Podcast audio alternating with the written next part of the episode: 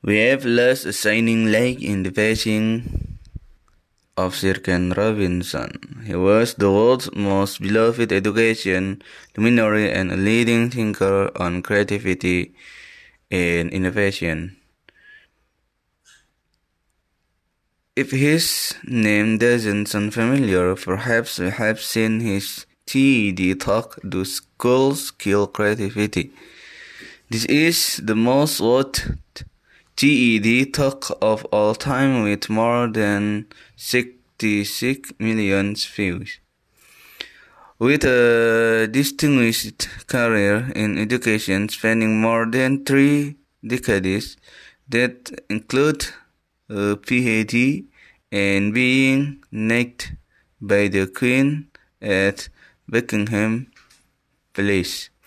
Sir Ken has influenced educators around the world with his candid critique about how education stuck in the industrial era 20th century and the importance of inspiring kids to learn the 21st century learning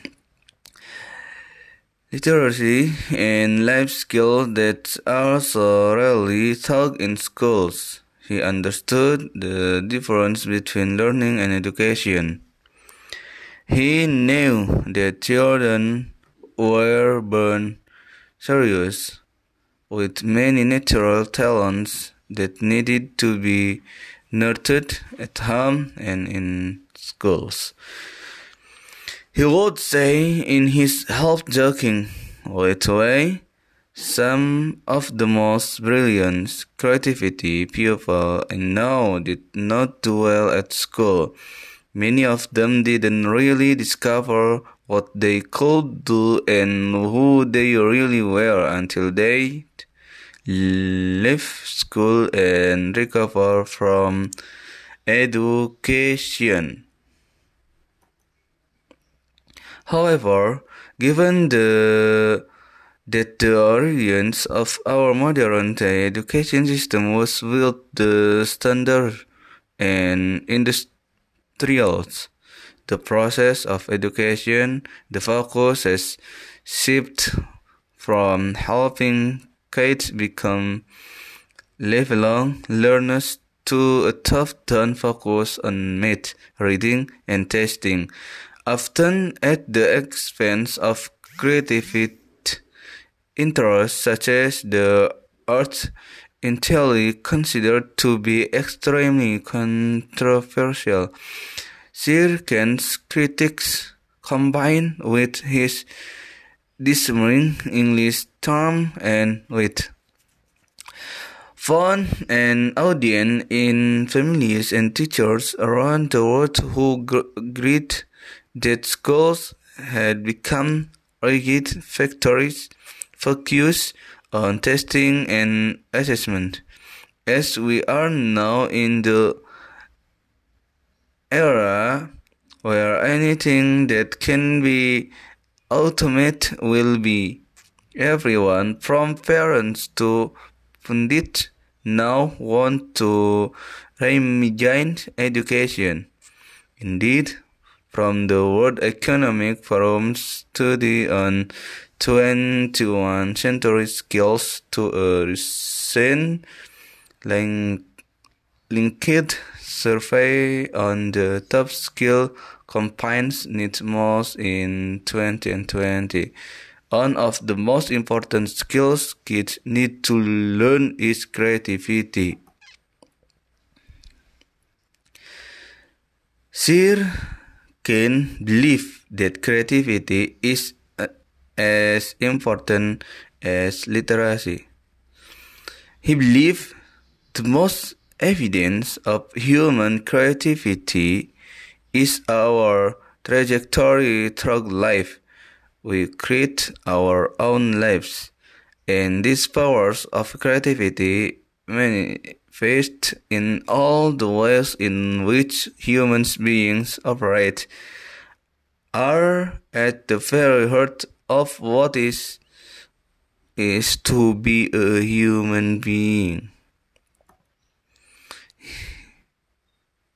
He believe imagination is the source of every form of human achievement and it's the one thing that I believe we are systematically jeopardizing in the way we educate our children and ourselves.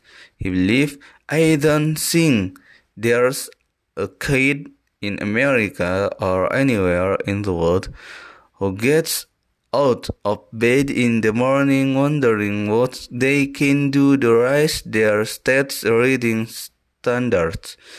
They get out of bed if they are motivated by their own interests and their own development. He believes we stigmatize mistakes and we are now running national educational system where mistakes are the worst thing you can make. And the result is that we are educating people out of their creativity refreshed capacities. He believes we have to recognize that human flourishing is not a mechanical process, it's an organic process, and you cannot predict the outcome of human development. All you can do, like a farmer, is create the condition under which they will begin to flourish. He believed deeply in the diversity of learning that humans communities depend upon a diversity of talent, not a singular conception of ability. He believed education and training are the keys of the future. A key can be turned in two directions. Turn it one way and, and you look results away, turn it that other way, and you release results and give people back to themselves. And he believed if you are not prepared to be wrong, you are you will never come with anything original original. At a time when nine on when nine out of ten kids around the planet are forced to learn at home. We all are beginning to see education from a new perspective. We are asking what exactly are kids learning?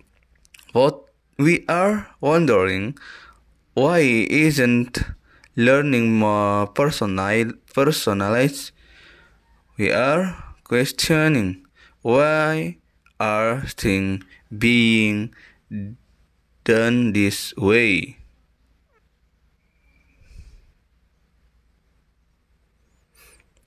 Sir Ken has been one of the most ardent champions of personalized learning.